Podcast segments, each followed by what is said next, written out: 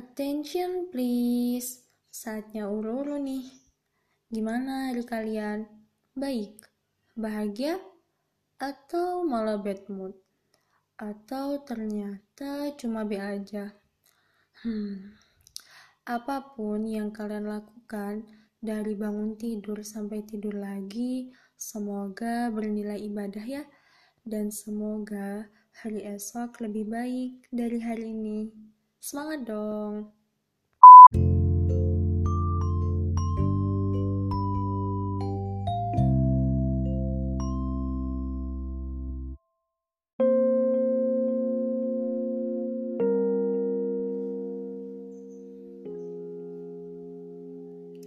Kali ini aku bakal bawain cerita tentang kisah Syekh Barseso. Kira-kira kalian udah tahu gak atau mungkin kebanyakan dari kalian udah banyak yang tahu, soalnya kisah ini sangat populer. Dulu, selama aku nyantri, udah tiga kali diceritain sama kiaiku di pondok. Setelah aku telusuri lebih dalam, ternyata kisah ini banyak ditulis oleh ulama. Ada yang menyebut kisah beliau ini termaktub dalam kitab Durotun Nasihin. Terus Syekh Taqiyuddin Al-Hambali juga pernah menukilkan kisah ini. Kemudian, Imam At-Tabari dalam tafsir surah Al-Hasyr ayat 16-17 riwayat Ibnu Mas'ud. Terus, dalam kitab Bidayah wa Nihayah.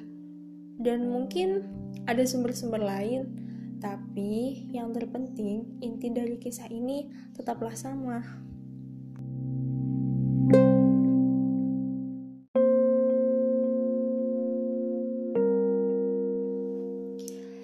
Jadi begini ceritanya.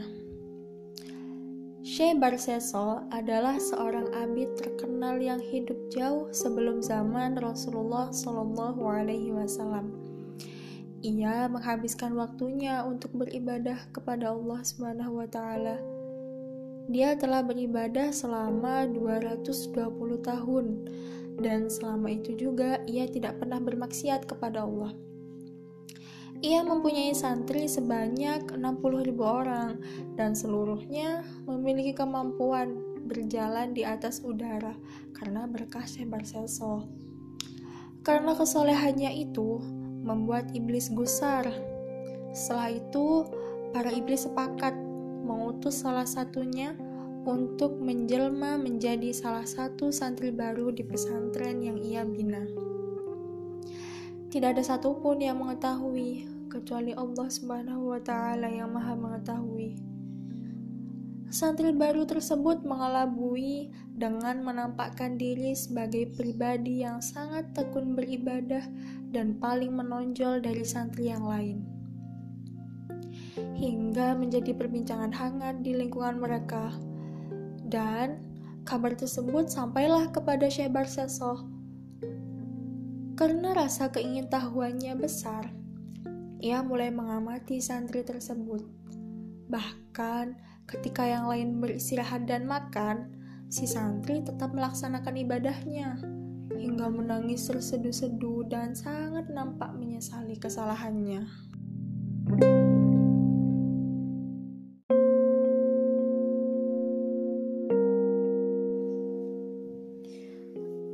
Syekh Barseso kagum dengan ketaatan santri itu dalam beribadah. Sampai suatu hari Syekh Barseso bertanya kepada santri itu, Kamu begitu tekun ibadah, bahkan melebihi aku dalam melaksanakannya. Apa yang membuatmu bisa begitu? Aku ingin bisa beribadah sepertimu. Si santri menjawab, saya bisa seperti ini karena saya ingat dosa-dosa saya. Saya pernah berbuat dosa besar dan saya sangat menyesalinya. Oleh karenanya, saya bisa setekun ini.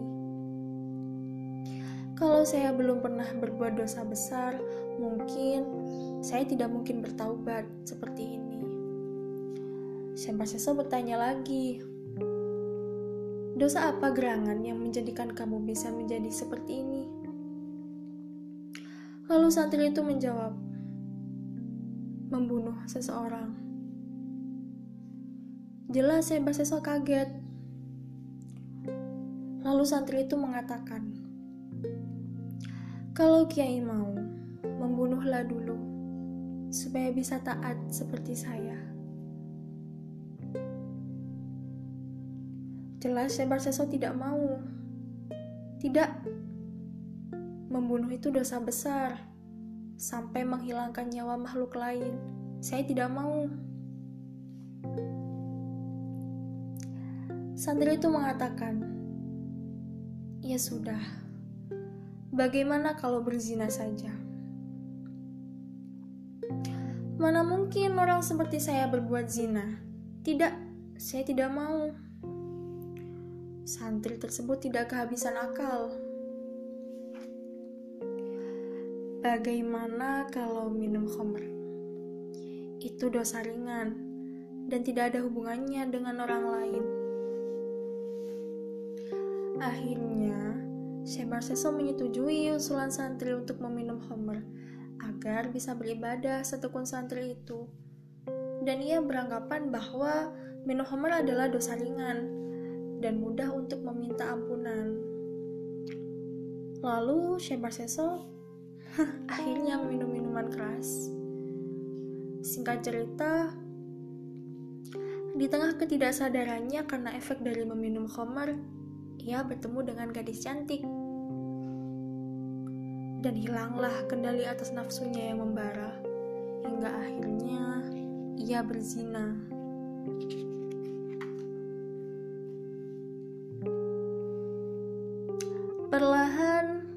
Kesadarannya mulai kembali, dan ia mulai ketakutan karena telah berzina. Ia takut dihakimi hingga hilang akal sehatnya, dan ia memutuskan untuk membunuh gadis itu.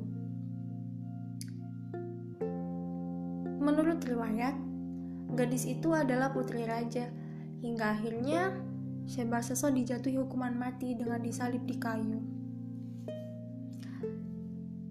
Dalam kepayahannya menantikan hukuman mati, si iblis kembali menawarkan bantuannya agar Seso terhindar dari hukuman mati.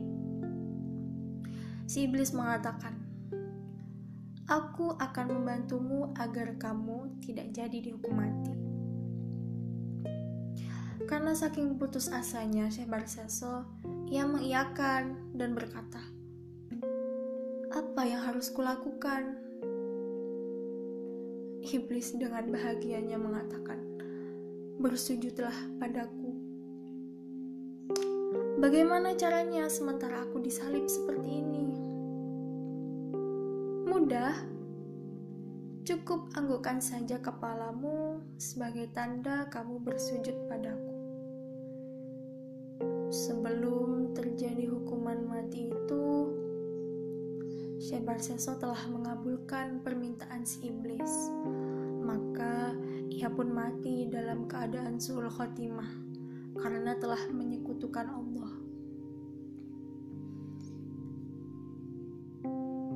Si iblis menang dalam hal ini dan mengatakan, "Inilah yang aku kehendaki darimu. Akhirnya kamu mengikutiku." dan kafir terhadap Tuhanmu.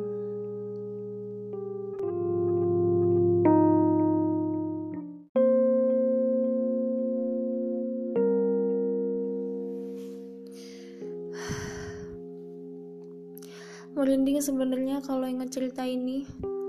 Soalnya kita gak bakalan tahu akhir hayat kita nanti bakalan kayak apa. Tapi yang jelas, Semoga kita terhindar dari perbuatan-perbuatan yang membuat Allah murka, apalagi sampai menyekutukannya. Tapi dari kisah ini banyak hikmah yang bisa kita ambil. Kalau menurut pandanganku, ada beberapa yang bisa kita ambil pelajarannya. Pertama, Jangan pernah berhenti memohon kepada Allah akan rahmat, taufik, hidayah, inayah, maunah, juga ridhonya. Semua itu perlu dimohonkan untuk merayu Allah. Bahkan menurutku itu nikmat terbaik yang pernah ada. Juga selalu memohon perlindungan kepada Allah agar terhindar dari perbuatan-perbuatan yang menjerumuskan kita kepada dosa-dosa dan berlindung agar dijauhkan dari godaan setan yang terkutuk. Soalnya setan atau iblis gak akan berhenti menggoda iman manusia hingga akhir nanti. Dan semoga ketika kita menghadapnya kelak, kita tetap istiqomah membawa iman kita. Kemudian yang kedua, sebisa mungkin kita ikhtiar untuk menghindari dosa. Pernah denger ini gak? Orang yang menghindari dosa akan dicintai malaikat karena dengan begitu ia tidak membuat para malaikat sibuk mencatat amal buruk. oh, alam sih. Terus yang ketiga, jangan pernah meremehkan dosa kecil. Ada ungkapan yang mengatakan Serabut kecil yang dipintal lama-lama akan menjadi tali yang kuat dan bisa mencekik leher unta yang besar. Dan ini sejalan dengan dawuhnya Sayyidina Abu Bakar. Tidak ada dosa besar jika diiringi dengan istighfar dan taubat untuk tidak mengulanginya lagi. Dan tidak ada dosa kecil apabila ia dilakukan terus-menerus. Sedikit-sedikit, lama-lama jadi bukit. Terus yang keempat, menurutku asupan jiwa atau spiritual masing-masing pribadi itu kan berbeda sesuai dengan kondisi hati masing-masing. Tidak usah iri kepada orang yang nampaknya baik, nampaknya taat beribadah. Justru itu dijadikan pacuan. Semoga kebaikan yang ada padanya juga berlaku juga kepada kita dengan tetap tekun dan istiqomah menjalankan perintah-perintahnya dan mengerjakan amal sesuai dengan kemampuan kita. Karena sungguh Allah tidak pernah jemu. Justru kitalah yang merasa jemu. Kemudian yang terakhir nih jangan pernah berhenti belajar dan menuntut ilmu Allah. Baik ilmu agama, sosial, teknologi, dan ilmu yang menunjang. Niatkan semata-mata karena Allah agar ilmu yang kita miliki bermanfaat sehingga perpaduan iman dan ilmu manfaat yang kita miliki akan mengendalikan kita untuk tidak berbuat hal-hal yang dilarang Allah. Secara logika, mana ada mengharap pintar tapi gak belajar, tapi gak ikhtiar.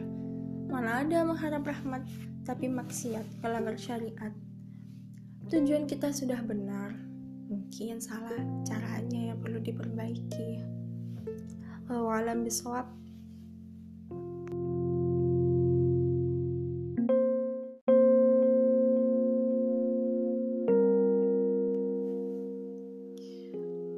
Cukup sekian ya uru-uru malam ini. Jangan lupa tetap memohon petunjuk kepada Allah agar ilmu dan pengetahuan agama dan keimanan kita meningkat dan menjadi manusia yang bermanfaat bagi seluruh makhluk hidup dan semesta. Selamat istirahat dan selamat bahagia.